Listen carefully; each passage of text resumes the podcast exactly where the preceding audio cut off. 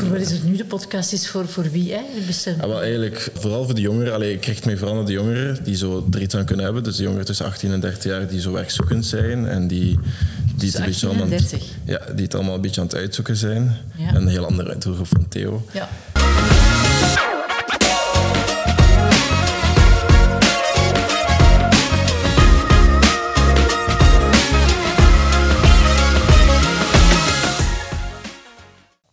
Ik heb zo wel een keer zo gepost. Zo type- als je zo een vraag zou kunnen stellen aan een psycholoog of zo, wat zou dat dan zijn of zo? En dan kwam het debat naar, naar boven van wat is het nut eigenlijk van een psycholoog? Want iedereen heeft wel zo... Iedereen weet ergens wel wat dat hij moet doen aan zijn problemen. En eigenlijk moet hij gewoon in actie stellen. Wat is nut van daar dan een keer over te babbelen met iemand? Wat heb je daar dan aan? Dus we gaan daarmee beginnen. Prima. Dus wat is nut? Ah, je hebt de vraag gesteld. Dus het, Ja. nut, eh, het nut van eh, naar een psycholoog te gaan? Of, eh, Ehm, ja, ik heb, eh, ik heb me dat inderdaad ook afgevraagd. eh, toen ik, wanneer ik 23 was, was ik aan de balie van Antwerpen. Als advocaat ben ik dan begonnen. En toen heb ik jaren, ik denk wel tien jaar, ehm, jongeren gevolgd die ehm, geen contact meer hadden met hun thuismilieu. En ik, ik praatte met hen één keer op de week. Vast, op een vast moment, vaste dag, vast moment. En, ehm, en ik zag dat dat, eh, dat dat al wel wat ja, in beweging bracht, positief. En ehm, dat heeft vermoedelijk mij ertoe aangezet tot het werk dat ik nu doe. Hè. Ik ben wel 18 jaar eh, bij de rechtbank van hier, hier in Antwerpen verbonden geweest. Maar eh, toen had ik eigenlijk wel, ben dan inderdaad pedagogie en psychologie gaan studeren. En ik vond het toch wel boeiend om eh, samen met de jongeren eigenlijk toch op een heel rustige manier gewoon even stil te staan. Maar het verschil met dan het feit dat ik nadien psychologie ben gaan studeren en daarvoor enkel jurist was, is misschien toch wel dat, ehm, dat je eigenlijk probeert van elk gesprek dat ik heb, dat is ongeveer een uur, soms ook iets langer, eh, dat ik als psycholoog, psychotherapeut heb met iemand, dat ik eh, probeer om, om, om heel goed te voelen en, ehm, en heel, heel alert en heel bewust bij die persoon te zijn en te bekijken van oké, wat, wat, eh, waarom, waarover wil je het graag hebben eigenlijk? Hè? Waar, waar, ja, rond welk punt wil je misschien graag eventjes stilstaan met je leven? Ehm, wat is mogelijk? Dat zien we natuurlijk bij Theo. Wat, eh, is, wat brengt jou bij Theo? Wat brengt je ook bij de psycholoog? Hè? Dat kan van alles zijn. Kan echt van alles zijn. En ehm, dus denk ik, wat we dan toch bij Theo doen, is... Maar ik heb ook een praktijk voor volwassenen. ehm, dat is dat we eigenlijk het eh, vanzelfsprekend vinden dat je dat iets doet. Hè? Dat dat niet zoiets is van de psycholoog. Hè? Dus nou, dat is wel een idee van, dan ben ik een beetje gek misschien. Of, of, of, of waarom heb ik dat nodig? Ehm, ook al onze therapeuten bij Theo gaan ook in supervisie. Ik, ik ook, ik doe dat wel wat te weinig. Maar Dus het is eigenlijk gezond om af en toe... ja, het is heel belangrijk om, om af en toe, zeker in deze jachtige omgeving die we nu hebben, om gewoon eventjes stil te staan en, en, en toch te bekijken van, ehm, ja, ben ik, eh, ben ik goed bezig? Kan ik eens even, en natuurlijk al naar gelang natuurlijk eh, de reden waarom dat je naar een psycholoog gaat. Het kan ook echt zijn dat je, dat je op een of andere manier vastzit of dat je een heel onprettige ervaring hebt gehad en dat je daar gewoon eventjes in alle rust, maar dan met iemand die je niet kent, wat ook belangrijk is, hè, iemand die je niet kent, ehm, maar die eigenlijk toch wel geleerd heeft om, eh, om op een ja, deskundige manier zo'n gesprek te hebben. Ehm, te weten wat je moet vragen, waar je moet op letten. Ehm, en om dan inderdaad eh, ja, toch, toch wel tot, tot die rustige feedback te komen eigenlijk. Ik denk dat dat vooral bijna de essentie is van waar zit je mee of waar wil je het graag over hebben. En ik ben hier als psycholoog om, om eigenlijk, alleen ik zeg dat niet zo, hè, maar je zegt wel, ik ben hier om, ehm, ja, om heel aandachtig te luisteren en ook heel liefdevol te luisteren. Ik vind dat wel, dat tweede ook wel heel belangrijk. Hè. Zo doen wij het toch alleszins. Aandachtig en heel liefdevol. Dat je voelt, als degene die het verhaal gaat vertellen, dat alles kan. Hè. Eh, dat je niet van alles moet gaan verstoppen of wat dan ook. Maar dat je zegt van kijk, ik heb beroepsgeheim. Dit is een ruimte waar wij alleen zitten. En, ehm, en ja, je vertelt maar op jouw ritme. Kan het niet in een eerste gesprek, dan komt het misschien wel in een tweede gesprek. Maar uh, jij vertelt wat je... En alles is ook goed wat je vertelt. Het is niet van, ik kan niet bepaalde vragen stellen. Ik kan dat doen. Hè. En soms als het ja, toch wel heel lang uh, niks wordt gezegd... dan uh, ga ik wel iets vragen natuurlijk. Of zo. En geeft de psycholoog ook advies? Ja, soms doet hij dat wel. Uh, dat is dan bijvoorbeeld psycho-educatie eventueel, een stukje. Dat is zeker niet wat een psycholoog elke keer moet doen. Hè. Normaal, het is eigenlijk het, het, het antwoord of het advies moet bijna van de persoon zelf komen en groeit terwijl dat je het gesprek hebt. Hè. Uh, het, kan natuurlijk af en toe, bezonnig ik mij daar toch eens aan om, om, om iets te zeggen. Ik ben, ben ook gedragstherapeut van opleiding. Um, dat maakt ook zelfs al eens een opdrachtje geven of zo. Um, nu, bij Theo doen we dat nu niet zoveel, omdat we daar toch wel een beetje oplossingsgericht proberen te werken. Maar af en toe doen we dat wel, maar, maar weinig. Hè. Dus de bedoeling is echt om een, om een heel open gezond, groeiend gesprek mogelijk te hebben. En soms kan het zijn dat, dat, ja, dat, dat, dat er wel heel veel stiltes vallen of dat het moeilijk is. Uh, er zijn soms mensen die wel komen, maar die eigenlijk dan toch niet willen praten. En dan, ja, dan spreek ik soms na een kwartier of twintig minuten spreek ik dan af van... Uh, is het oké okay dat ik de vraag stel en dat je maar moet knikken? Soms het eerste contact gewoon dat ze het niet kunnen zeggen... maar dat, dat ze knikken ja of nee. En op die manier uh, heb ik er dan toch wel een praat gekregen. Ik heb dus ook al zo'n gesprekken gehad. Want allee, ik heb in mijn verleden ook wel zo... Ik heb in crisisopvang en zo vaak zien in instellingen en ook zo leefgroepen. En um, ja, ik kom uit een huis met mishandeling en ik kon heel lang niet praten met volwassen mannen. En dan was ik voor een psycholoog... Met volwassen mannen of ja. zo? En dan was ik voor een psycholoog gesmeten die dan een man was. En dat was dan ook zo'n gesprek. Ik gewoon knikken. Gewoon. Uiteindelijk heeft hij me wel open gekregen, maar wel nog heel veel dingen. Maar dat was ook zo... Iedere instelling is een psycholoog aanwezig en dat is verplicht. Mm-hmm. En dan is niet zo beter dat, dat, iemand zelf naar een psycholoog gaat? Of vind je dat wel een goede instantie, dat er, dat er, dat er wel een psycholoog aanwezig is en dat, je zo, als, dat iedere jongere daar wel verplicht wordt om mee te gaan spreken? Of? Ja, dat verplichten, dat hoor ik niet graag. Hè. Uh, ik vind uh, dat dat geen verplichting zou mogen zijn. Hè. Uh, je, je, je gaat met iemand praten, zo is het bijna. Hè. Je gaat met iemand praten, is toevallig een psycholoog of een pedagoog of een psychotherapeut. Want bij Theo hebben wij niet alleen psychologen. dus je gaat met iemand praten, maar op vrijwillige basis. Hè. Ik denk dat dat heel belangrijk is, zo dat gedwongen, dat is daar ben ik geen voorstander van. Zelfs als een jongere via een jeugdrechter nu ook bij ons komt, bij Theo, dan gaan wij ook uh, sowieso het in het eerste gesprek keren. Dan zeg ik, het moet hier gekeerd worden. Je komt niet omdat de jeugdrechter het oplegt, maar je komt voor jezelf. Je komt voor jou. Kan de jeugdrechter jou schelen? Hè? Je komt voor jou. Jij wil een verandering in je leven. Jij wilt iets, iets ja, dat het lichter wordt, dat, uh, dat je het makkelijker een beetje krijgt.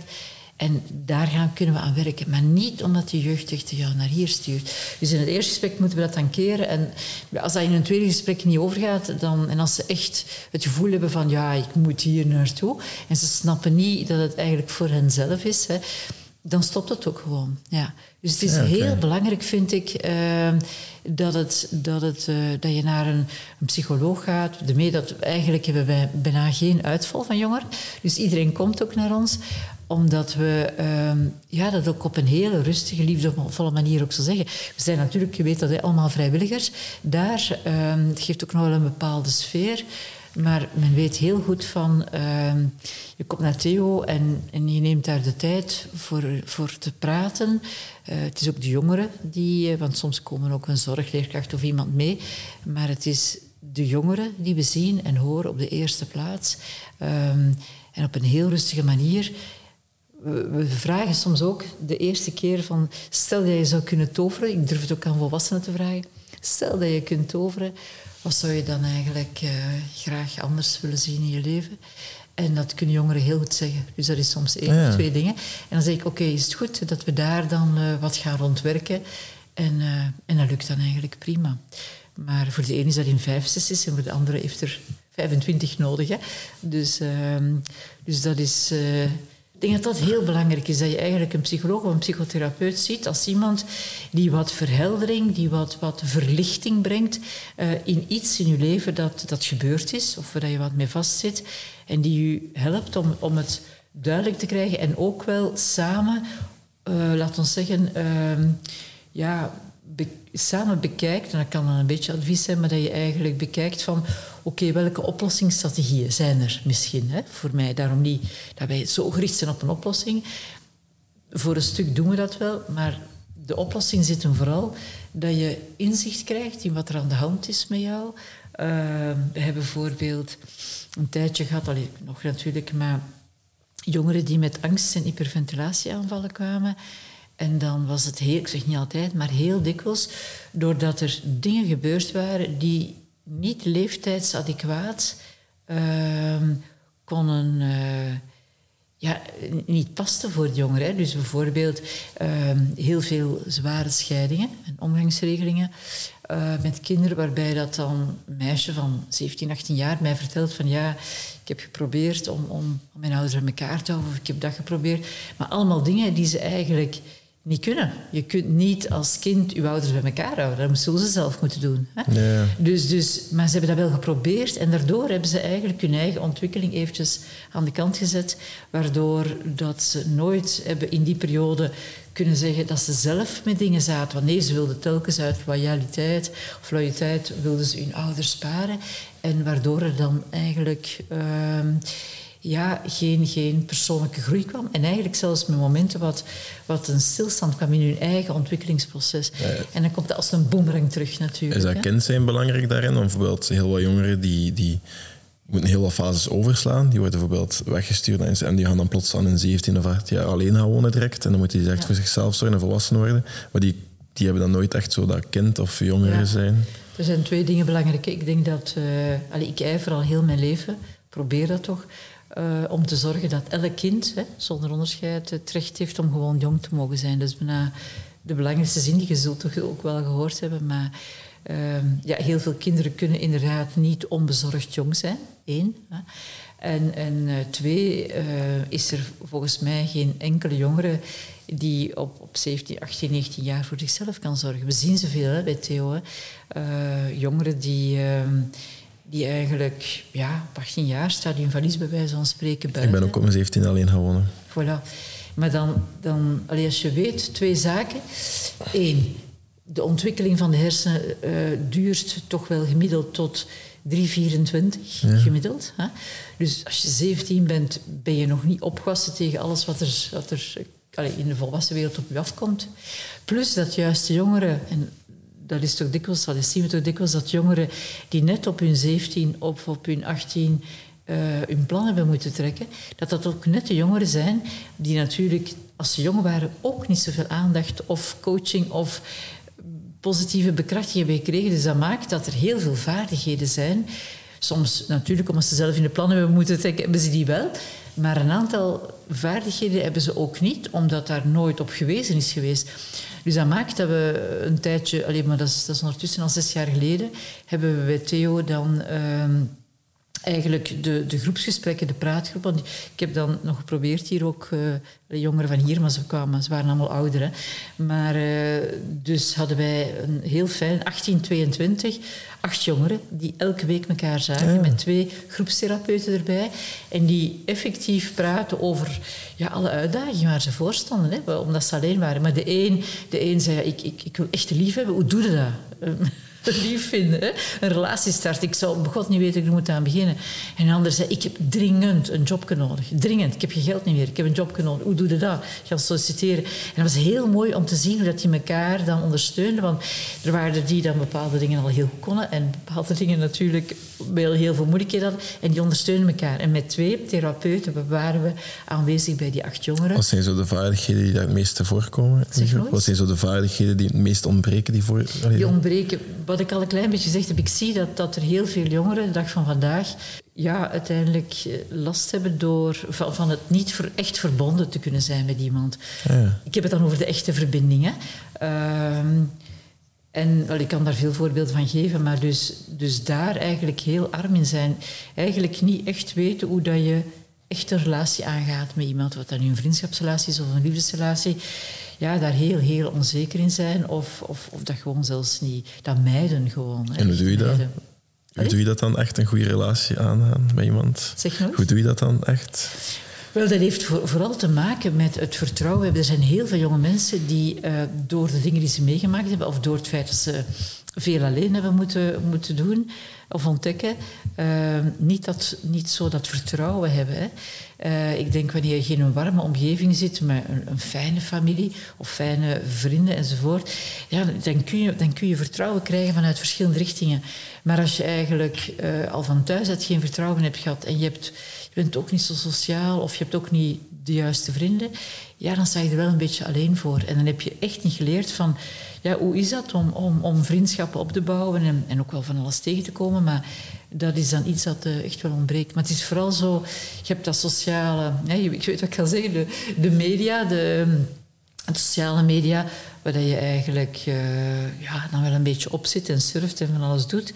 Maar toch veel, heel veel jongeren Theo zeggen mij dat ze daar... Uh, ja, dat ze, ondanks dat ze heel veel contacten hebben, uh, ja, eigenlijk niet het gevoel hebben dat ze verbonden zijn met iemand en dus eigenlijk wel eenzaam zijn. En het is natuurlijk juist het moment dat je ja, bepaalde dingen moet doen, zoals bijvoorbeeld gaan solliciteren. Ja, dat vraagt wel wat moed hè, wat durf en, en ook wel ja, een beetje een, een, een, sterk zelfbeeld. En ook daar moeten we heel veel aan werken, aan, aan dat zelfbeeld. Heel veel jongeren vinden zich maar niks. Hè? En, en, en, uh, en zeggen dat ook. Hè? Ik, ik heb vanmorgen om negen uur, vanmorgen om negen uur aan een meisje van dertien. Dat, uh, we horen het veel, uh, veel automutilatie, maar ook wel heel veel zelfmoord, gedachten, pogingen en het ook doen. Hè.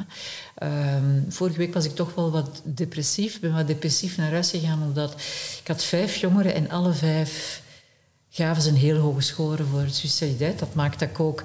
Wij laten niemand vertrekken wanneer die zo'n hoge score geven.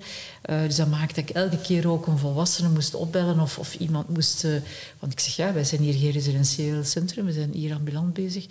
Um, ja, en dat stemt me dan toch wel droef, zo, ja, omdat ik, uh, omdat ik vind dat het toeneemt en dat er hoe langer hoe meer jongeren ehm, ja, het moeilijk hebben het moeilijk hebben. Wat is dan praktisch advies, wat jongeren die het moeilijk hebben in die situaties het best kunnen doen of de eerste dingen dat ze kunnen ondernemen daarvoor? Maar ik denk dat het vooral belangrijk is om, uh, om sowieso met iemand te gaan praten. Hè? En ik weet dat dat een probleem is, omdat er uh, ellenlange wachtlijsten zijn overal. Dus dat is, uh, en ik zou kunnen zeggen, kom allemaal naar Theo, maar dat mag ik dus ook niet zeggen, want dat kunnen wij niet aanvullen. Hè. We werken alleen maar met vrijwilligers. We hebben echt hard ons werk. Uh, maar normaal gezien zien wij jongeren tussen 10 en 20. En, en dat mag je gerust weten, dat als jongeren van 1, 22, 23 zelfs, die zijn ook welkom bij ons. Ik kan moeilijk zeggen van 30, die zijn ook nog welkom. Anders zouden we kunnen zeggen, ja, we zullen iedereen helpen. Maar het is belangrijk dat je, dat je inderdaad iemand zoekt die, uh, die eens naar u luisteren. En uh, wanneer dat niet onmiddellijk een psycholoog of een therapeut kan zijn. We hebben twee weken geleden nu uh, een studiedag gehad, inspiratiedag, Theo. Um, en we hebben de houvastbeweging uh, gelanceerd, een nieuwe beweging binnen Theo. Uh, daar waar we eigenlijk, um, ja, laat ons zeggen, op de eerste plaats um, zo vlug mogelijk, zo, dus, zo preventief mogelijk er willen zijn voor jongeren, had ik toch het gevoel, al lang voor corona, dat, dat, uh, dat er iets niet klopte. Uh, jongeren kwamen met, met, hele zware dingen binnen, zes, zeven jaar geleden al. We bestaan nu dertien jaar. En ik dacht, ja, dat is hier niet meer nulde of eerste lijns dat wij bezig zijn. Dat is hier tweede en derde lijns. Hè? Dat klopt hier niet. En dan merk je dat dus de instituten, om ze zo maar te noemen, die het moeten doen, uh, dat die hun deuren sluiten gewoon. Hè? Dat die zeggen, ja, uh, kunnen gewoon geen jongeren bij opnemen. Ga maar naar Theo. En dus wij, in principe willen wij ja, dus iedereen wel welkom heten. Uh, maar dat is natuurlijk ook moeilijk. Hè? Bedoel, we kunnen maar doen wat we kunnen doen. Uh, maar dat maakt dat dus heel veel zware gevallen ook naar ons zijn gekomen. En uh, er zijn twee tendensen. Enerzijds heb ik de indruk dat er veel problemen zwaarder worden, maar anderzijds heb ik ook het gevoel dat heel veel jongeren gewoon veel te lang wachten vooraleer dat ze hulp zoeken. En dus is vooral mijn, mijn advies van, uh, van wacht niet te lang. Want sowieso zul je dan een beetje moeten zoeken voordat je hulp kunt uh, vinden. Enerzijds. Uh, maar dat, dat iets vanzelf weggaat, die kans is klein. Dus je moet er echt wel eens met iemand over praten en toch wel een andere perceptie of een andere aanpak voor je leven uh, op punt krijgen, want anders kan het alleen maar misschien verergeren. Tweede punt wat we met die houvastbeweging ook willen doen, is dat we, gehoord het in het woord houvast, betekent dat we gaan proberen om uh, zoveel mogelijk houvast te kunnen zijn voor jongeren. Uh, letterlijk houvast, in de zin dat we kaartjes gaan ontwikkelen die ze, die ze kunnen opnemen. Die, die zullen er liggen uh, naast de, naast de Theo-flyers. Overal. Uh, en waarbij dat ze met dat kaartje staat iets heel eenvoudig op. Gewoon van... Uh, ik, ik ben eventjes aan het piekeren en en ik zou graag, uh, ik zou graag eventjes hebben dat je luistert. Hè. Dus dat wil zeggen dat zo'n houvast persoon, dat moet niet de psycholoog zijn of niet de psychotherapeut. Want ja, welke jongere voor een psycholoog? Er zijn er een paar die nu Theo kennen, maar niet elke jongere kent dat, jammer genoeg. Dus het is belangrijk dan dat zo'n houvast persoon, dat is dan meerderjarig, die ze vertrouwen, die ze graag zien, die ze respecteren, um, toch al een tijd, en dat ze dan met die kaart naartoe gaan. En die persoon moet het niet oplossen, maar die persoon gaat dan bekijken van oké, waar zou jij nu op dit moment het meeste nood aan hebben? Of waar heb je het meeste nood aan? En ik ga met jou die persoon zoeken dan. Dus dat is dan die houvast. Um, maar we willen met houvast vooral proberen van het woordje preventie, en misschien vinden we daar wel een nieuw woord voor uit, maar ik wil daar veel meer gaan op inzetten, omdat ik, uh, ja, omdat ik gewoon ervaar dat jongeren veel te lang wachten. Dus preventie betekent echt van hoe kunnen we, dat is natuurlijk, je zult direct zeggen dat is niet altijd mogelijk en dat is waar, maar hoe kunnen we zoveel mogelijk proberen dat, dat bepaalde zaken niet gebeuren, bepaalde negatieve ervaringen niet gebeuren. Uh, zodanig dat je echt wel preventief kunt werken en dat er niet curatief moet gewerkt worden. Hè. Namelijk, er is iets gebeurd, allee, en, geneest die persoon nu maar, hè, of los het nu maar op. Dus ik wil vooral jongeren eigenlijk, een, een, en we zijn er volop mee bezig ook, in de vorm van een expo. Uh, we zijn hier in Antwerpen gestart twee jaar geleden, maar we gaan nog even door. We gaan elke, elke keer naar een andere stad. En daar geven we eigenlijk de nodige jongeren uit. En we geven ze eigenlijk een bad. Ik vind dat heel symbolisch. Ik zelf mama van vier kinderen, maar ik vond het ook als er, zo, als er zoiets was, dan zette ik die in bad en dat en ik begon ik voor te lezen aan bad. Dat was altijd heel, heel, heel, allee, dat was altijd heel genezend. Um, maar ik merk ook met die expo, die, die is um, focus, focus op, legt de focus op rechtspositie. Je rechten kennen. De dag van vandaag hebben wij nog altijd jongeren die uh, misbruikt zijn, anno 2023. Die denken dat volwassenen dat mogen. Dat dat iets van hun ouderlijke macht is, alhoewel dat ouderlijke macht niet meer bestaat. Alleen maar ouderlijk gezag dat er bestaat. Helemaal geen macht. Um, maar die dus ja, ook wel schrik hebben, omdat natuurlijk volwassenen uh, van alles durven dreigen. Hè. Van ja, als je het durft zeggen, dan zul je wel eens, hè, dan gebeurt er dat of dat. Uh, en daardoor ook niks durven zeggen. Maar dan toch wel uiteindelijk bij ons komen, maar dan, is dat, dan heeft dat al, ik weet niet hoeveel. Ja, maar dat is ook zo heel laat besef vaak. Hè. Dan, dan sleept het aan en pas dat je zo andere mensen ziet van, ah oei, die leven precies heel anders of zo. Of, ja. of die andere kindjes, die hebben dat precies niet zo thuis en zo. Ja. Dus ik, ja, ik denk dat dat ook zo vaak zo gewoon heel lang aansleept, omdat, omdat je dat niet beseft dat dat gebeurt, denk ik. Klopt, dat klopt, ja. Daarmee dat het zo belangrijk is, op die expo zijn er ook leerkrachten, je, je bezoekt die per klas. En ik heb al een paar keer gemerkt dat ook jongeren vragen aan de leerkracht van... Uh, of wat de leerkracht zegt, ben je blij dat je hier bent? En dat die zeggen, ja, mevrouw, dat zouden we minstens één keer in de week willen hebben. Dat je gewoon vraagt hoe dat wij ons voelen waar dat wij aan denken, waar dat wij mee bezig zijn. En dat kan ook buiten de uren zijn. Zo echt wel maar daar zouden wij zoveel, zoveel deugd aan hebben. Maar ja, het is gezegd, het zal vermoedelijk ook niet gebeuren, denk ik. Maar, maar dat als jongeren dat aangeven, van uh, daar hebben we behoefte aan, ja, dat betekent wel wat. En op die expo dus, uh, geven wij een enkel de informatie niet to know, niet nice to know, maar niet to know. Uh, dus dat, maakt dat dat niet zoveel is, maar we, we, nodigen hen wel uit op een hele fijne manier om van alles te schrijven en dat achter te laten voor ons. En dus we zijn, ik ben volop bezig met een collega om dat allemaal door te nemen. En ja, dat, uh, dat geeft me dan wel bepaalde inzichten. En daar gaan, we, daar gaan we iets mee doen. Ik heb nu donderdag een afspraak om te bekijken van... Uh, gaan, we, allee, gaan we daar een boek mee maken. Ik ben ook met Lano bezig nu om rond de houvast beweging iets te maken. Maar daarnaast zou ik ook rond die expo van jongeren schrijven echt, doen echt moeite om hele fijne dingen neer te schrijven. Wel droevige dingen natuurlijk. Maar ik wil daar iets mee doen. En dus, uh, dus we, zijn, we gaan bekijken. Misschien dat we iets maken voor, uh, voor de overheid. Hè? Uh, dat ze dingen zouden veranderen voor jongeren. Maar ook wel iets voor de jongeren zelf. Omdat ze ja, ook zo bereidvaardig zijn om, om, om van alles ook bij ons achter te laten. En dat we ook beloofd hebben dat we er iets mee gaan doen.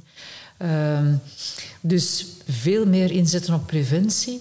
En, en eigenlijk, uh, vanmorgen heb ik ook met mensen van ANO bekeken van... Ja, ik zou dan wel het voor... ik zou dus de, de, intro schrijven en zeggen waarom dat die houvastbeweging zo belangrijk is. Uh, en waarom dat preventie zo belangrijk is. En dan heb ik, ben ik eigenlijk van plan, dit is een primeur, uh, ben ik van plan om eigenlijk ehm, is goed na te denken van wie, hè, eh, wie ga ik allemaal vanuit de hele samenleving, wie ga ik eigenlijk allemaal een, hoofdstukje in dat boek laten schrijven. Hè? Want houvastbeweging houdt in dat wij niet alleen met Theo proberen een houvast aan te bieden, maar er is evenzeer op de rechtbank, om je een voorbeeld te geven. Uh, ik ben goed bevriend met de huidige voorzitter van de rechtbank van Eerste Aanleg hier. En uh, die heeft mij een tijdje geleden gezegd dat, er, uh, ja, dat, het, dat het weer onvoorstelbaar uh, hoog is. Het aantal scheidingen, vechtscheidingen, moeilijke omgangsregelingen, om maar één voorbeeld te geven. En die zegt, ja, binnen de familierechtbank zijn we toch aan het nadenken, wat kunnen we toch doen voor die jongeren, want dat is toch echt, echt niet fijn. Dan denk ik bijvoorbeeld, als we iets zouden kunnen doen in uh, hoe dat de rechter eigenlijk toch meer rekening houdt met de wens van jongeren.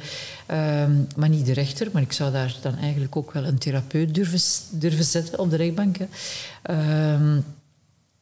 Om eigenlijk ja, toch wel de jongeren de, de kans te geven dat die, dat die zich wat omhuld voelen en dat die er niet alleen bij die rechter zijn. Ja, vaak is het wel zo, de rechter beslist en dat is ja, zo'n finale beslissing. En als jongeren heb je daar niks op te zeggen. Ja. En wij zien bij Theo heel veel jongeren die lijden, hè? echt, hè? lijden met lange ei, lijden onder een beslissing die genomen is. Dus dat is nu maar één voorbeeld. Hè? De school, heel belangrijk. Ouders. Hè?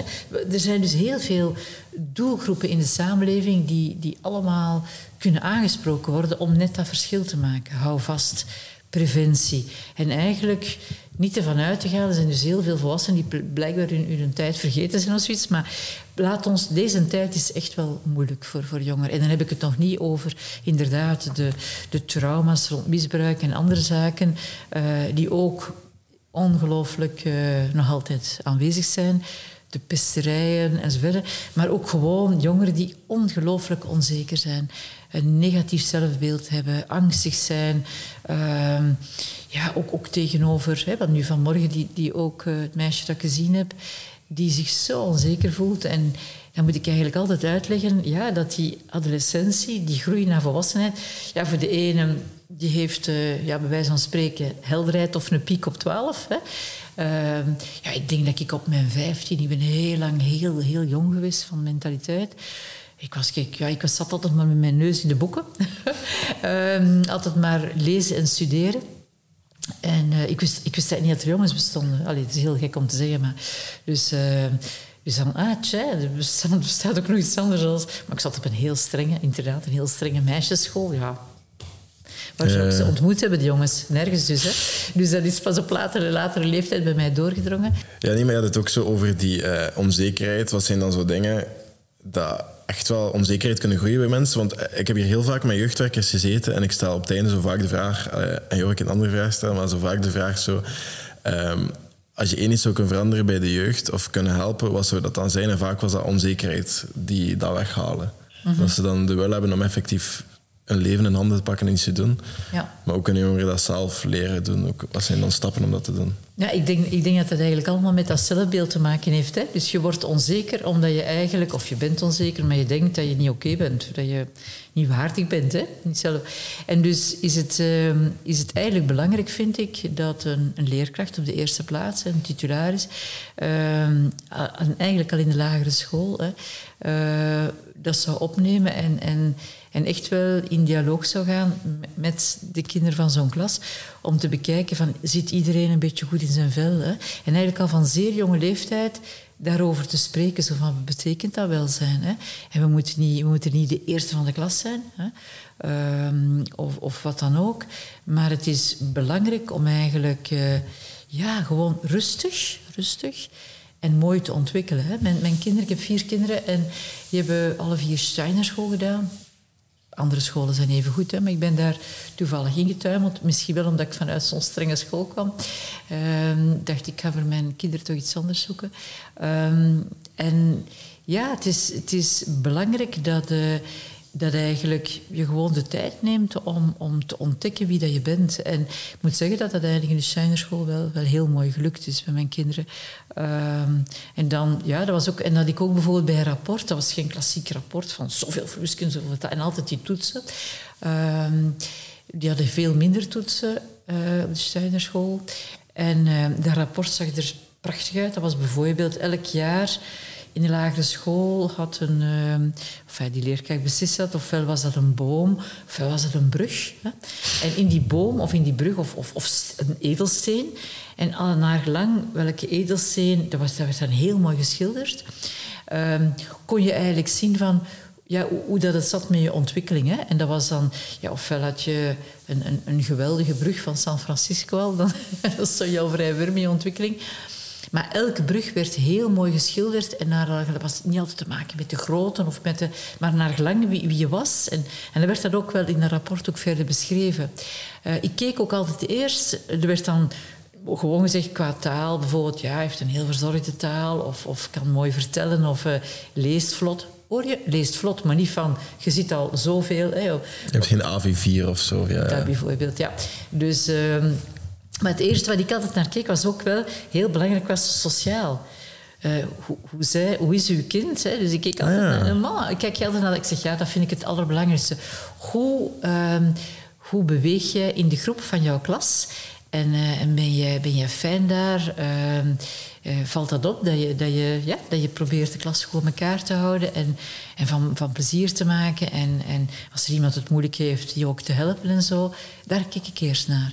Hoe komt mijn kind over? Want ik voelde die natuurlijk ook wel zo op. Maar ik dacht, dat vond ik het belangrijkste. Want ik volgde hen ook wel alleen met mijn ja, taken is, en zo. Hè.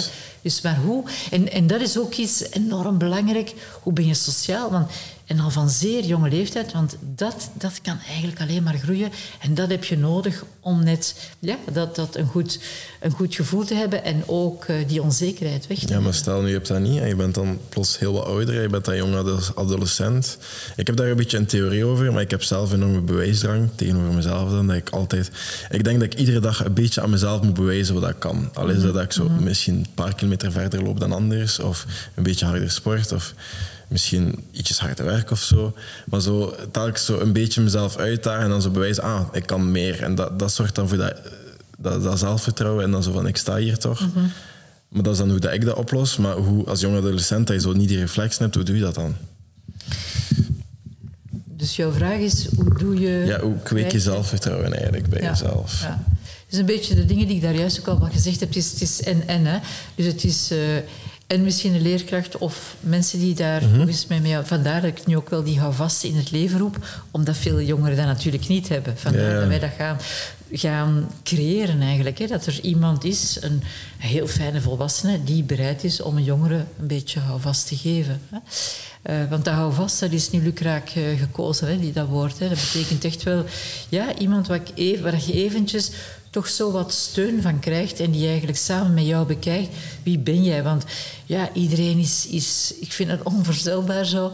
Um, ja, ik heb elf kleinkinderen. Hoe, hoe, uh, hoe, uh, hoe, anders dat die allemaal zijn. Hè? Dus die hebben allemaal hun eigen persoonlijkheid. Dus iedereen is ook wel ja, een, stukje, een stukje uniek. Ja, uniek, hè, dat is zo. Maar is een stukje uniek. En uh, het is dus heel belangrijk om telkens te gaan kijken van wat heeft dit kind nodig. Hè? Mijn vier kinderen die alle vier anders waren, heb ik andere dingen gedaan. Die halen ook energie uit allemaal andere dingen. En dat, die halen ook energie uit allemaal andere dingen. Ik denk dat dat, dat vind ik heel leuk in zelfkennis is, waar haal ik energie uit? Ja, heel belangrijk dat je dat je ook, er zijn twee dingen denk ik heel belangrijk in je leven. En dat, is al, dat begint al van jongs af aan, van in de lagere school. Dat is, hoe kan ik een beetje evenwicht? Hoe vind ik de balans in mijn leven? Dus ik, uh, ik ben iemand die ook nogal graag planmatig met jongeren werkt. Van, uh, dan zeg ik van kijk, school, hè, en, later is dat dan werk. Maar school, naar school gaan uh, in uw planning van een week bijvoorbeeld, dat kleuren, dat kleur je dan bijvoorbeeld lichtblauw. Hè. Dat is allemaal mogelijk in een Excel-formuliertje. Als je iets voor school echt doet, dat is donkerblauw. wanneer je sport, dat is groen.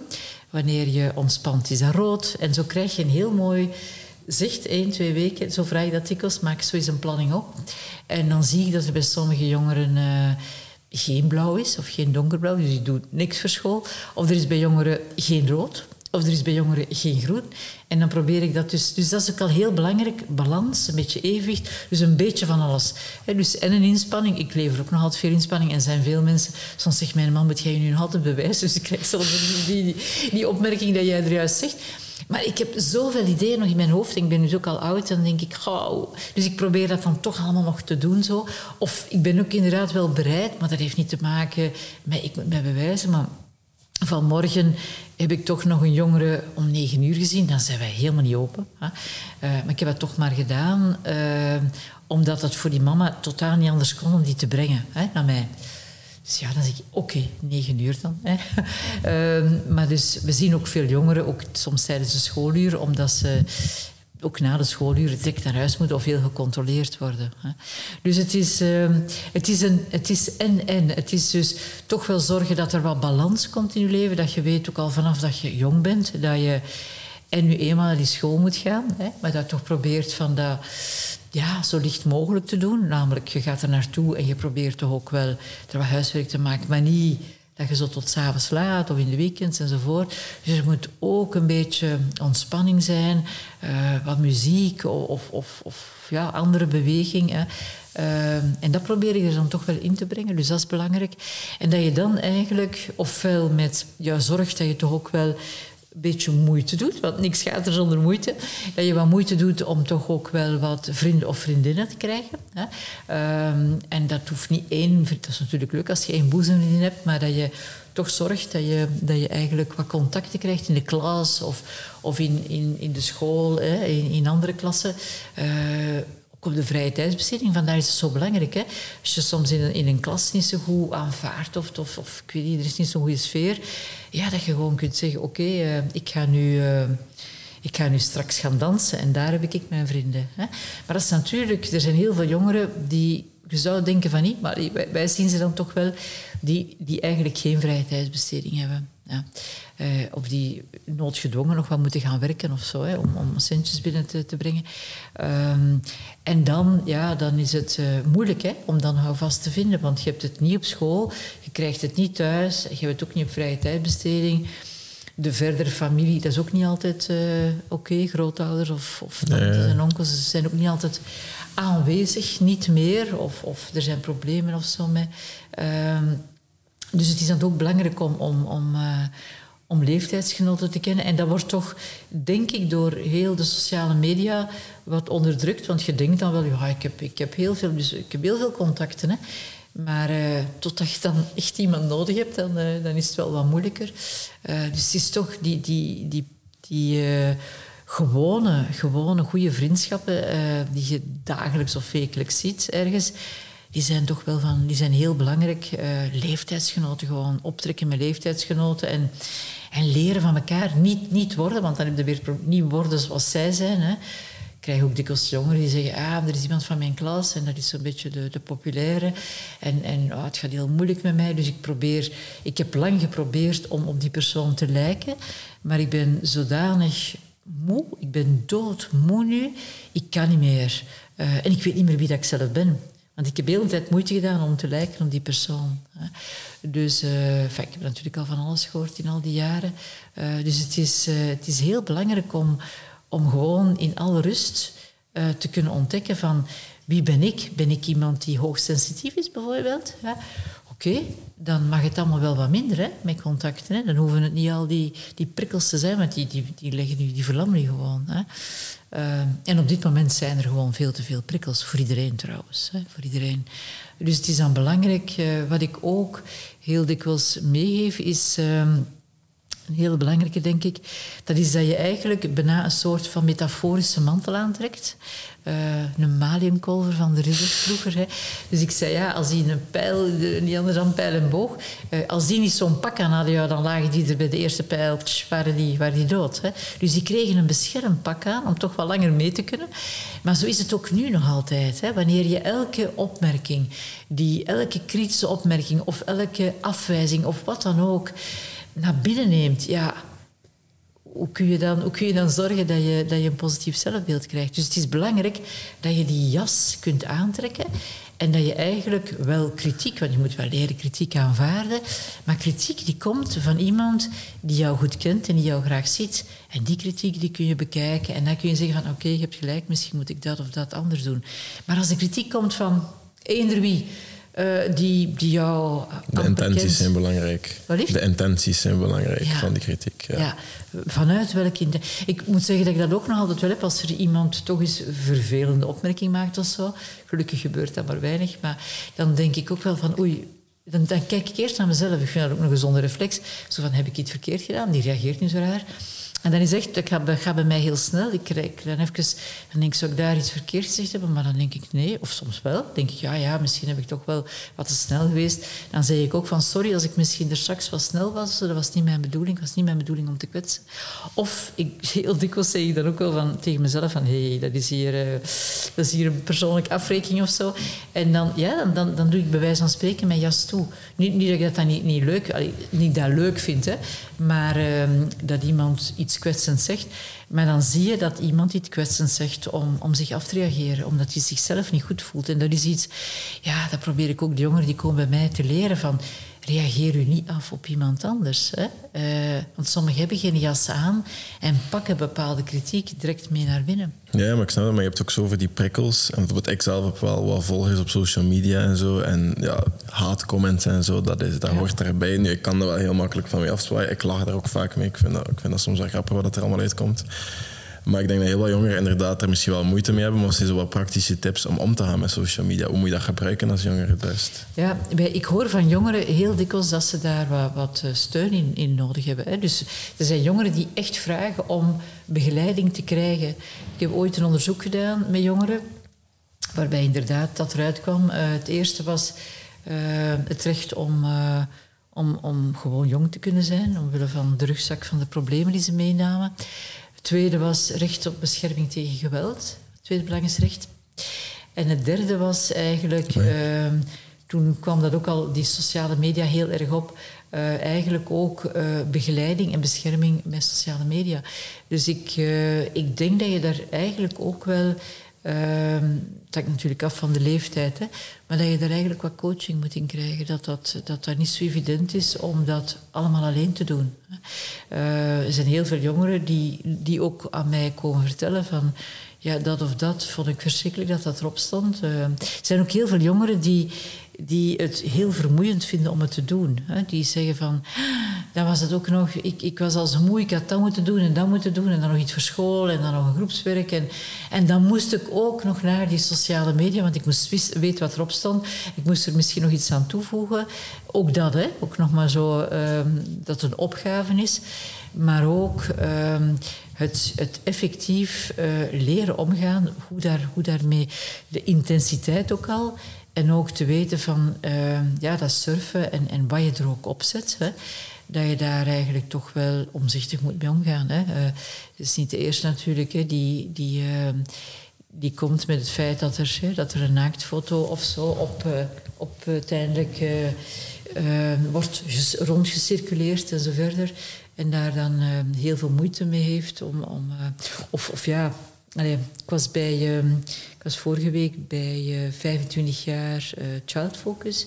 En daar waren, dus ik, wist, ik was eventjes vergeten, maar Child Focus is ontstaan na de Witte Mars. Hè, na, en ik zat uh, na, achter de ouders van uh, Anne Marcel, hè, Anne en Eefje, hè, die jammer genoeg alle twee de, de dood hebben gevonden hè, uh, in de handen van Dutroux. maar die waren er allemaal. En het was, het was, eigenlijk, het was eigenlijk heel, heel mooi heel waardig ook eigenlijk. Hè. Uh, ja, er zijn dus inderdaad heel veel jongeren die, die, die, die weglopen en die uh, allerlei dingen meemaken en die dus missing zijn. Hè? de, vraag, de is, ja, waar zijn die dan? Hè? Heel veel jongeren die die weglopen en die vermist worden. Dus Child Focus probeert daar iets aan te doen. Ehm, en ja, de, ouders zeiden ook van ja, we zijn blij dat dit nu ook wel bestaat. Nu wordt er toch wel iets sneller uiteindelijk gereageerd wanneer er iets misgaat. Maar de essentie, denk ik, uh, je gaat toch veel knippen vermoedelijk hè, in, in, dit, in mijn lang verhaal, maar de essentie is eigenlijk dat je eigenlijk zou geen enkele jongere helemaal alleen op zichzelf moeten aangewezen zijn. En ofwel is dat een tante, ofwel is dat een, een, een hele fijne leerkracht, ofwel is dat toch een ouder, ofwel een, een oma die extra bezorgd is. Um, het moet maar één iemand zijn, hè, maar die eigenlijk jou wat in de gaten houdt, op een positieve manier. Hè. Die, die oog heeft voor jou, die iets extra doet, die gewoon tijd neemt om, om, om iets fijn te doen of om te luisteren. En dat hoeft voor mij een part niet altijd de ouders te zijn, maar wel iemand die het goed voor heeft, die het goed meent en die wat tijd te geven heeft. En dat is hetgene wat wij nu ook met die vast willen proberen en is te een, een tip is dat gewoon minder gebruiken? Of is dat niet per se de oplossing? Is een tip voor social media het gewoon minder gebruiken? Of is dat niet per se de oplossing? Dat is zeker, vind ik, al een goede tip. Allee, ik denk... Uh, uh, hoe, hoe, hoe, vaak we eigenlijk... En ik zie dat ook in mijn onmiddellijke omgeving... Uh, ja, er zijn ook zoveel dingen die gebeuren. Hè. Je hebt... Je hebt uh, je hebt ook die, die WhatsApp die er die ook, ook vind ik wel veel met veel energie gaan lopen. Um, hoeveel account heb ik, durf het bijna niet zeggen. En stuurt hij en dan denk ik, oh ja, welk groepje is dat nu weer? Hè? Um, dus um, ja, minder is zeker de boodschap. ik heb al grote kleinkinderen en die krijgen toch ook wel een, een beetje een, een tijdslimiet. Dus die moeten echt wel hun gsm Ehm, soms gewoon ook even, eventjes wegleggen, hè, eh, ergens in een bakje dat ze het niet mogen gebruiken. Hetzelfde met, met, met, ook met televisie of, of, of, films kijken. Want ja, dat is toch wel iets dat ik ook heel veel hoor. Uh, het, het, uh, het kijken van series. dat jongeren zeggen, ik heb alles gezien wat er te zien valt. En ik, pardon, pardon. uh, maar daar word je niet bepaald gelukkiger van, hè, van series te kijken. Dat is echt je verstand op nul zetten en vluchten is dat eigenlijk. Hè. Dus ik denk inderdaad ehm, het, uh, ja, het enerzijds minder. Uh, dus, dus toch wel een beetje de tijd in doorhouden dat je daarop zit. En dan kiezen gewoon. Kiezen. Ofwel, ofwel ga je gamen met iemand, ofwel uh, ga je iets opzoeken, ofwel uh, gebruik je het om inderdaad te chatten of whatever. Maar je kiest maar. Maar je kunt het niet allemaal doen. Want ik denk dat soms jongeren ook wel vergeten dat uh, een dag heeft nog altijd maar evenveel uren als. Ja, ik zou heel graag willen dat ik wat meer uren had op ja, een voilà. dag. Dus, uh, dus een dag heeft maar zoveel uren. En ik ben ook iemand die, uh, die heel veel uren in een dag heeft. Ehm, al van kinds af aan had ik dat. Dus ik slaap niet zo heel veel, maar ik slaap. Hè? En ik zorg wel dat ik mijn rust heb. Maar, en ik zit ook niet zoveel op dat internet. En daar heb je soms wel wat begeleiding in nodig. Want voor je het weet, dus ik hoor het ook heel regelmatig, dat, jongeren tot een stuk ofwel gamen of chatten, in, ook nog gedurende een halve nacht. En dan zeg ik, ja, waarom doe je dat nu? En dan, uh, ja, maar ja, maar ik wil chatten met iemand hè, aan de andere kant van de wereld. En ja, dat gaat dan niet, want dan is dat overdag, nacht. En ja, en dan gaan zij dan wel hun opofferen en dan toch maar uh, chatten om het beter uur s'nachts. Maar als je dan om, om zeven uur moet opstaan, ja, dan is dat wel moeilijker. Hè? Dus uh, jongeren die dan soms ook niet naar school gaan daardoor. Ja, structuur. Dat is, ja, dat is ook structuur, heel belangrijk. En ik zie dan ook, wat, wat wij ook wel doen bij, bij, bij Theo, is dat, we, dat ik ook ouders uitnodig. Hè? Dat ik ook ouders uitnodig om, om, uh, om, om wat meer structuur te bieden. Hè? Uh, daar waar het misschien vroeger, uh, en ik spreek van vroeger, vroeger, vroeger. Uh, ik, zat, ik zat toch eigenlijk wel wat in een keurslijf, denk ik, als kind. Uh, allee, bij wijze van spreken, ik, was, ben een gelukkig kind geweest. En ik, ik, ik, heb heel veel mogen doen wat ik wou, maar, maar er moest wel gestudeerd worden. Allee, het was allemaal wel, wel geregeld zo. Hè. Ehm, maar nu zijn er heel veel jongeren die, ja, die ook wel heel veel hun goesting doen ook. Hè. En, en, ook ouders die een goesting doen en, en, ouders die ook van alles en nog wat combineren.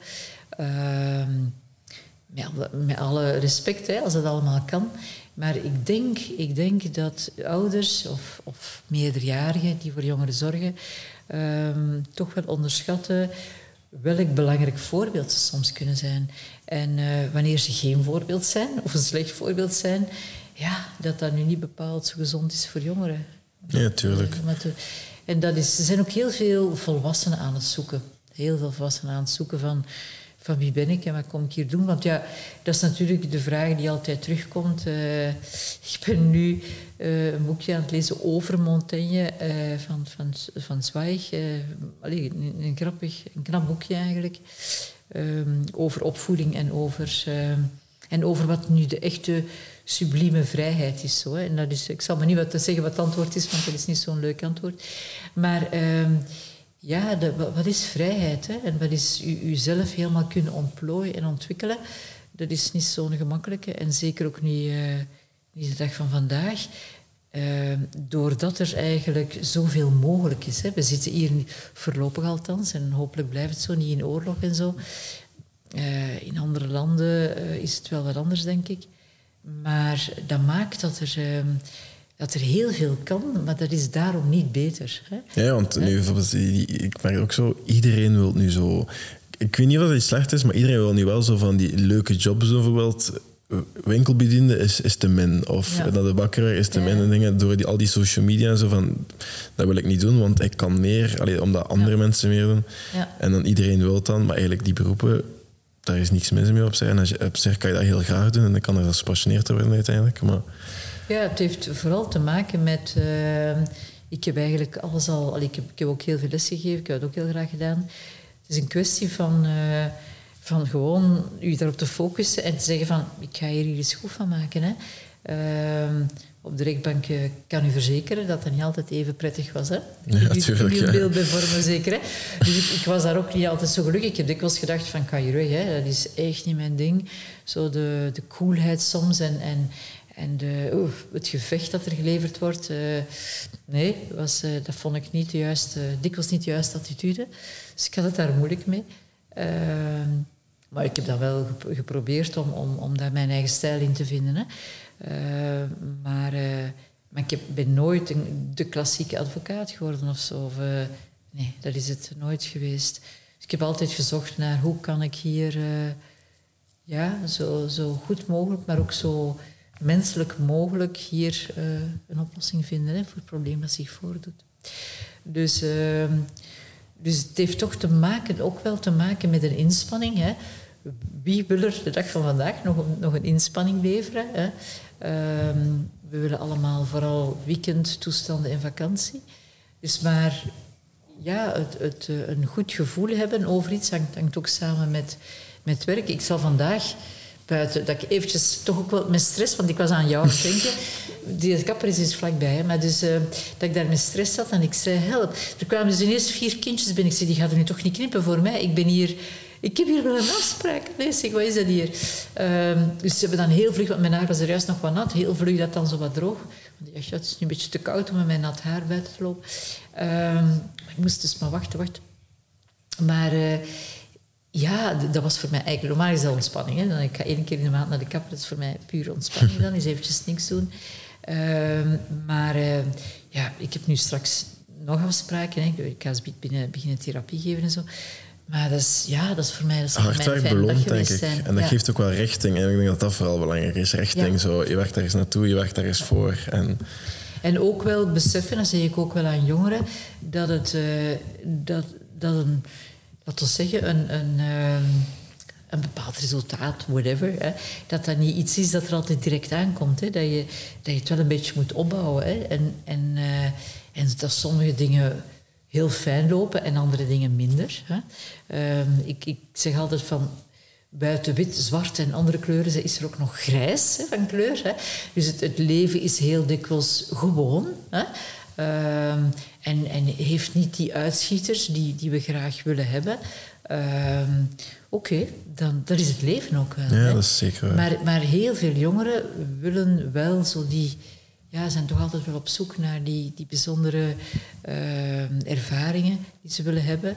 Um, en dat is niet altijd mogelijk gewoon. Maar dat is geen reden om ongelukkig te zijn. Nee, nee. En dat is wel hetgene wat zich voordoet van wow, mijn leven is, is wel saai. Stel nu zo ongelukkige jongeren, en bijvoorbeeld in een sociale organisatie als, als Studio Digitaal of zo, die komen bij ons. En soms is dat heel moeilijk om zo um, te oordelen van deze persoon heeft professionele hulp nodig. Zo, wat is Hoe, wat- hoe doe je dat? Hoe beslis je van, ja, die jongere heeft professionele hulp nodig? Je bedoelt de jongen die naar de studio komt. Bijvoorbeeld, of, ja, of een andere sociale organisatie. Hoe beslis je van, oei, wij kunnen die misschien niet verder helpen, die heeft professionele hulp nodig? Ja. ja, ik denk dat je dat, eh, dat, dat je dat eigenlijk maar zachtjes aan natuurlijk te weten komt. Hè, want men gaat dat niet direct zeggen. Hè. Eh, maar dat je toch na een tijdje merkt, als er een stage is of, of wat dan ook, dat je zegt van, ehm, oké, ik, ik merk hè, dit of dat op, maar heel, heel, heel zacht en heel vriendelijk. Eh, dat je zegt, oké, ehm, alles oké met jou? Ehm, of heb je zin om eens iets samen te doen of, of eens een, een babbeltje te hebben. En dan, eh, naar gelang dat het vertrouwen groeit, gaan die misschien ook wel aan een babbeltje met jou slagen. En kunnen die misschien inderdaad wel aangeven van oké, eh, dat of dat loopt niet in mijn leven, hè, wat dat dan ook mag zijn. Ehm, en ik zit daar wel bij in, want het, het verandert ook niet echt. Ehm, en dat je dan eigenlijk zegt van oké, we kunnen hier ook nog eh, ja, wel wat meerdere babbels hebben. En ik kan ook zien hoe dat ik jou wat kan steunen. Maar misschien zou het ook wel fijn zijn, mi- misschien is het ook wel goed dat we samen eens bekijken van eh, hoe dat je ehm, toch wel iets professioneler zou kunnen geholpen worden. Want ja, wij doen allemaal andere dingen. Hè. Maar misschien kun je toch wel eens met, met iemand gaan praten die, ja, wiens werk bestaat uit, uit met mensen praten. Hè. Misschien zou je dat wel kunnen helpen. Maar het, het gaat eigenlijk, dat, dat, eigenlijk zou dat een langzaam proces moeten zijn. Maar wanneer je eh, wanneer je respect hebt voor, dat zeggen iedereen die hier binnenkomt, of whatever, hè, waar je binnenkomt als jongere, eh, of als jongvolwassene en, en je merkt dat, dat er toch bepaalde zaken zijn, ja, dan is het belangrijk, niet om die aan de deur te zetten, hè, maar om te zeggen van, kijk, misschien moeten we eens praten of zo. Hè. Ik, eh, ik herinner me mijn man, die, die, had, die had een bedrijf, is nu op pensioen, maar... eh, met nogal wat werknemers en eh, hij ook van alles. Ik vond dat dat ook een halve psycholoog was, mijn man. Hij merkte altijd van alles en dan legde hem s'avonds ook uit van ja, ik heb nu die man, ik, die dan soms, soms ook niet, maar eh, ik merkte dat of dat. En ik heb die nu gewoon binnen het bedrijf op een andere plek gezet. Hè? Na, na praten en na en ehm, ja, dat liep eigenlijk heel mooi. Hè. Ehm, ontdekte dan soms ook wel dat iemand die aan de kassa zat, ja, dat er altijd geld verdween. Maar die was dan blijkbaar eh, heel zwaar aan, aan het gamen. En, en eh, was dan toch niet zo, eh, het lukte dan toch niet zo goed. Hè. Ehm, ehm, ja, dat je, dat je dan zegt, ja, misschien is het toch wel, toch wel beter dat we jou bij die kassa wegzetten. Dat we jou een andere job geven. Hè. Eh, maar dus, ja, mijn man zou die ook kunnen ontslagen hebben. Dat heeft hij eigenlijk Nee, nooit gedaan. Hij heeft altijd gezegd van, oké, we gaan een andere plek voor jou zoeken. Hè. Of als er ja, een scheiding was. Of, er was altijd je zo- van alles. Maar zoals zijn dat zo onbewuste signalen dat zo jongeren of mensen geven dat ze wel mentale problemen hebben? Wel, wat, ik, wat ik vooral merk is dat, eh, dat jongeren dan, dat je eigenlijk, iedereen heeft een manier van doen. Hè? En als jongeren dan ineens veranderen hè, in manier van doen, dus bij wijze van spreken van heel stil naar heel eh, luidruchtig beginnen doen, of, of, of heel eh, eh, snel geïrriteerd zijn, of, eh, of net heel stil worden, of eh, bijna niet eten, of je merkt dat die ja, een beetje als een zombie rondlopen, omdat ze bijvoorbeeld ook gevraagd dan heb je hoe geslapen en mhm, kijk er dan zo, dan weet je al hè, hoe laat het is. Dat, dat eh, ja, bijvoorbeeld als ik het dan heb over school, dat, dat schoolresultaten heel slecht worden, eh, dat, eh, dat je niet meer naar de sport gaat, eh, dat je amper uit je bed komt, eh, dat, je dan, dat je altijd te laat komt dan op school bijvoorbeeld. Hè. Eh, dus, dus dat je eigenlijk ehm, ja, je, je gewoon manier van doen verlaat gewoon. Dat je eigenlijk niet meer kan schelen zo. Hè. Ehm, dat je ook wel een beetje, ja, sommige jongeren geraken ook wel verlamd. Hè. Die zeggen van ja, ik kan eigenlijk niet meer volgen, ik kan het ritme niet meer volgen. Dus je merkt dat. Je merkt als je, als je in een gezin of waar dan ook de jongeren ehm, ergens thuis zijn, hè, ehm, merk je wanneer je aandachtig bent, zie je een verschil in, in gedrag, in manier van eten, in slapen, in vrije tijd. Je merkt het gewoon. Ja. Ja. Als je tegen jezelf, op je 20 jaar zelf, nog één advies zou mogen geven, wat zou dat dan zijn? Je dat terug tegen zou kunnen spreken. En welk advies voor wie? Wat Voor jou, voor jou, je bent 20 jaar en je kan tegen, jezelf, 20 ja, je jaar. kan tegen jezelf spreken die 20 jaar is. Ik ben zoveel 20 is. jaar en ik geef een advies voor een andere. Voor jouzelf, Voor mezelf. die 20 jaar is. Stuk. Terug in de tijd. Terug in de tijd. Ehm, Wat zou je zeggen tegen die jongeren zelf van jezelf? dat, eh, ja, dat, het, dat het leven eigenlijk heel boeiend is. En dat er eigenlijk eh, de ene dag heb je zoiets van wow, en de volgende dag gebeurt er iets heel fijn. Dus dat het leven ook vol verrassingen zit en vooral heel verrassingen. Ik, vond, ik, zou, ik zou heel de ochtend of heel de namiddag verder kunnen praten met jou. Want hier. Kom nog eens terug. Dat is goed, dat kan zeker.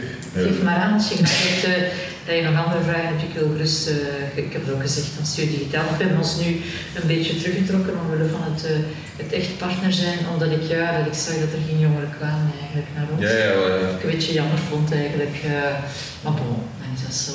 eh, dat heeft, dat hebben ze ook wel begrepen, dat is ook geen probleem. Ja, ik had gehoopt dat er, dat er toch wel wat jongeren voor begeleiding zouden komen. Eh, maar dat is, eh, dat is ook niet zo simpel hè, om jongeren uiteindelijk eh, naar onze weg te wijzen. Dus misschien wel als je zou meekomen. Hè. Stel dat je bijvoorbeeld hier een jongen hebt die stage, dat kan trouwens nog, ik gezegd. Ja, ik, Dat wij ik, contract hebben. Ja, ja. Dat is, eh, maar dan, dan is het eigenlijk beter dat je dat niet te, dat je niet direct doet. Dat je zegt van ja, jij hebt een probleem, ga jij maar eens naar Theo of zo. Maar nee, maar dat je eigenlijk eerst dat heel rustig aankaart en dat je zegt van ja, schuld ga ik wel eens mee. Hè. Ja, zo dat, dus dat is hier vlakbij, hè. schuld ga ik eens mee. En dan, dan doen we dat gewoon eens eventjes. Hè. En dat je zelfs ook erbij zit gewoon. Hè. Ja. Dus, eh, dus dat, dat gebeurt heel, allee, echt in stapjes eigenlijk. Hè. Maar als iemand zegt van ja, ik ben een therapeut moet gaan, zo, en als je denkt, wat is dat zeg, nee, dan, dan kan dat een averechts effect hebben. Hè. En dan, dan lukt het ook niet. Hè. Dan lukt het ook niet.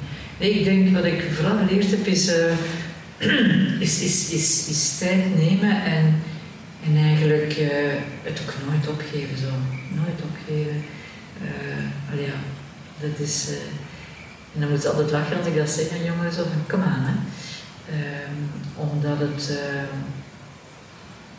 ja, je hebt natuurlijk de neiging, wanneer je niet zo veel geluk hebt gehad, wanneer je jong bent, eh, als je niet zoveel goede ervaring hebt gehad, en ja, het leven is niet zo simpel om, erin te duiken, dan heb je natuurlijk sneller ehm, ja, toch wel het, eh, het gevoel van, "Pff, ik geef het hier op. Hè.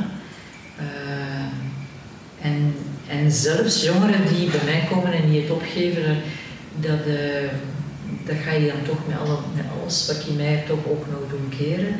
Ik zeg, ja, dat is misschien wel overdreven, misschien. Maar je bent eigenlijk, eh, vind ik, bijna te jong om te beslissen als je zo 16, 17, 18, 19 jaar bent. Eigenlijk te jong om te zeggen van, voor mij hoeft het niet meer het leven. Want het moet nog beginnen dan. Eigenlijk moet het dan beginnen. En er zijn jongens die zeggen, ja, maar ik heb dat meegemaakt. En dat was voor mij nog als, als de wereld zo in elkaar zit. En zo gekwetst, dan hoeft het van mij niet. Dan zeg ik, oké, je hebt inderdaad wel pech gehad dat je dat hebt meegemaakt. Maar we gaan, daar, we gaan, we gaan dat oppakken. En dat komt in orde. Niet morgen. En dan zie je ook wel dat sommige jongeren ehm, eigenlijk zodanig lang gewacht hebben om hulp te zoeken. Daar is het belangrijk. Dat, ehm, dat ze ook niet meer de kracht hebben of de moed hebben om dat proces, hè, want het is een proces, hè.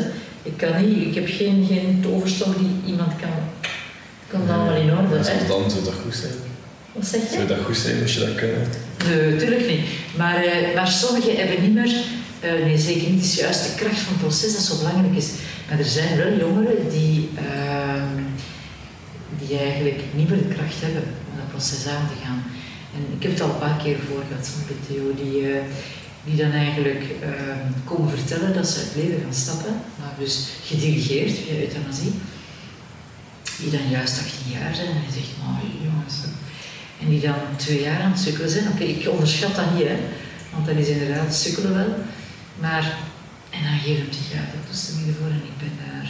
Ik was al on- onlangs op een, op een eh, studiemoment bij de lijfartsen. Hè. Dus, dus eh, die, die mensen begeleiden naar euthanasieartsen. En, eh, ik heb toch die vraag gesteld. Dat is een beetje, de enige in de zaal die het misschien wat anders worden. Ik ben ook voor euthanasie in sommige momenten. Maar ik vind als 18-jarige kun je nu euthanasie aanvragen wanneer je psychisch daar leidt. Ehm, en dan, dan heb ik daar toch moeilijk mee eigenlijk, ja. Omdat, ehm, omdat ik vind dat het soms iets te snel wordt gegeven. Ik heb het niet over iemand van 40 of 50 jaar die al heel zijn leven met hele, hele zware depressies en er is echt niks aan te doen, ja oké, dan, daar staat voor mij gelijk met heel zwaar fysiek lijden. Maar wanneer je, zoals wij horen, uh, zwaar geprest bent geweest, niet dat je dat onderschat, hè, ik bedoel, uh, dat is heel zwaar, uh, of misbruik bent geweest, dan, dan weet ik ondertussen, als psychotherapeut, dat je, dat je die begeleiding kunt doen. Ja. En dat je misschien wel altijd een beetje gekwetst blijft, ja, dat kan. Maar je kunt perfect leven. Ik, bedoel, ik denk dat je aan iedereen kunt vragen van... Uh, iedereen heeft eigen dingen mee. Ik ga het maar zeggen. Hè. De een natuurlijk al wat, wat erger dan de andere. Maar, maar, iedereen maakt wel dingen mee in zijn leven. Uh, dus het is ook een kwestie. En dat is eigenlijk hetgene wat wij vooral doen bij Theo. Hè. Dat is echt gaan zoeken naar hoe kunnen we jongeren terug... Uh, ja, laten geloven in hun eigen krachten. Want dat is eigenlijk onze, bijna onze belangrijkste zin die we, die als we begonnen zijn, ook, ook gezegd hebben van ja, wij gaan wij niet het leven van jongeren gaan veranderen of ik weet niet wat. we gaan gewoon jongeren die komen en die eigenlijk een beetje los zijn, we gaan die terug in hun kracht zetten. We gaan naar zeggen, we zien dat er rond jouw voeten sneeuw en ijs ligt, bij wijze van spreken. Je kunt precies niet meer bewegen. Je zegt, ja, dat is zo, ik kan je weer bewegen. Ik zie dat, ik kan ik dat ijs en die sneeuw weg, weg. Eh. Dus die, met die metafoor, dat vind ik altijd geweldig. Um, en, en dat is hetgeen wat we doen. Gewoon wat sneeuw, wat ijs wegnemen. En, en die verlangingsverschijnselen die er wat zijn, hè, die burn-out die er ook bij jongeren is, die wegnemen en zorgen van oké, okay, kun jij met, met jouw hoedanigheid, met jouw krachten, hoe kun jij in het leven staan? Hè? En, en wat kan helpen? En dan bespreken we de sociale media en dan bespreken we van alles. En dan leren we daar een weg in te vinden. Om effectief je staande te houden. Dat is geen Heel mooi. bij Theo proberen te doen vooral. Ja. En voor elke jongen anders. En, en boeiend. Ik ga er nu een paar gaan zien nu. Ik vind dat heel boeiend. Uh, om daar, uh, en natuurlijk, ik ben natuurlijk ook al wel wat ouder. Ik heb al uh, zoveel jongeren begeleid en dat helpt natuurlijk wel. Hè.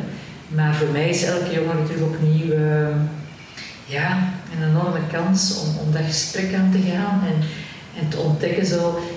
En ik zeg je dat ook wel, hè. En ik zeg je dat niet vanaf de eerste keer, want dan... Uh, maar zo na een paar keer zeg ik, je weet, je weet dat, je, dat je in mijn hart zit, hè. Of alleen, bedoel, je, je, weet ook dat ik je graag zie, hè. Um, wordt ook soms te weinig gezegd hè, aan jongeren. Uh, niet zo heel veel is, alleen juist, ze is gepest in de lagere school en uh, een moeilijke thuissituatie. Uh, die uiteindelijk op een scheiding is uitgedraaid van de ouders. Maar ze heeft altijd geprobeerd om, om het wat allemaal in orde te krijgen, dus zichzelf opzij gezet, in schaduw gezet. Is dan eigenlijk gaandeweg ja, wel wat in contact gekomen met, met jongeren die ook allemaal wel wat suicidaal waren, want ze was dat ook zelf. Ze heeft ondertussen twee uh, zware pogingen achter de rug ook.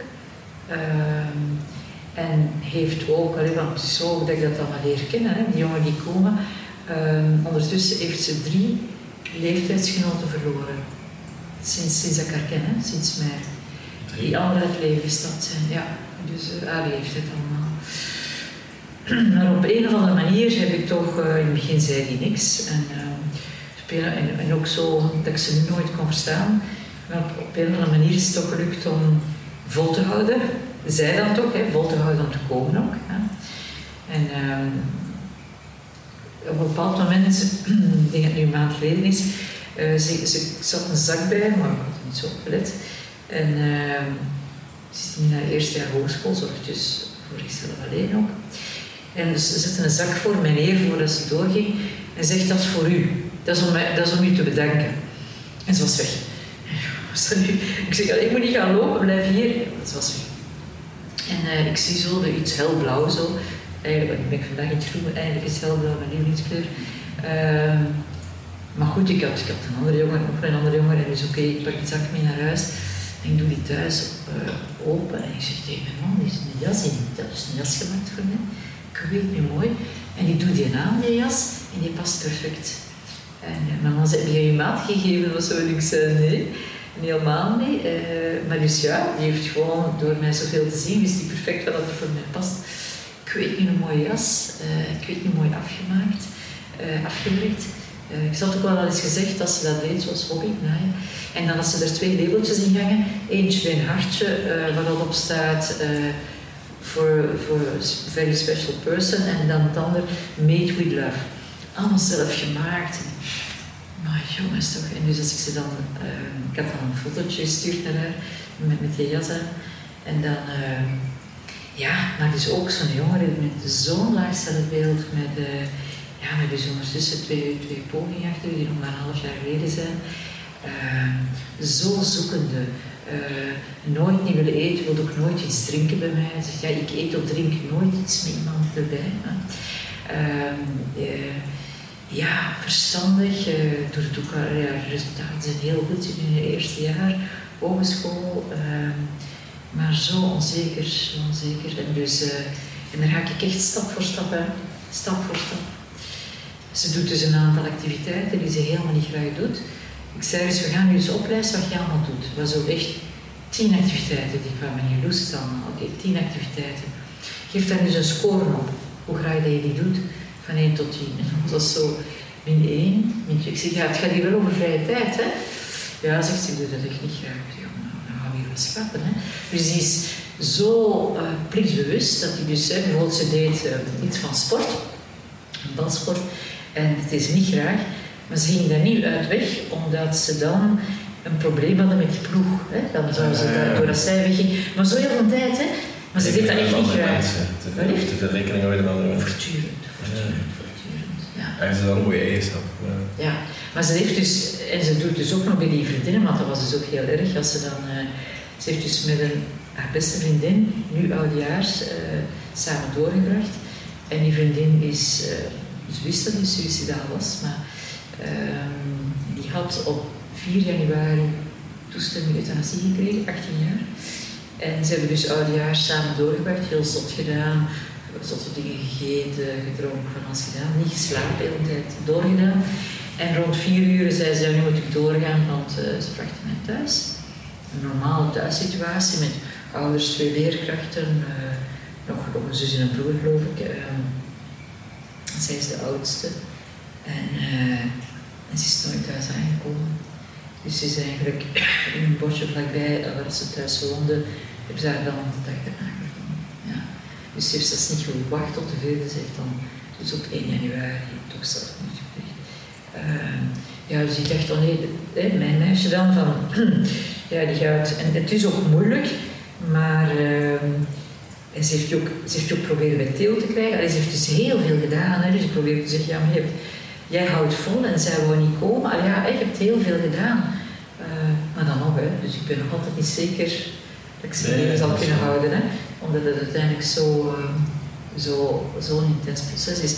En toch, uh, het heeft vooral te maken met, want het is niet, allee, ik bedoel, ja, is misschien wel, er is wel een vorm van mentaal misbruik, misschien licht mentaal misbruik geweest.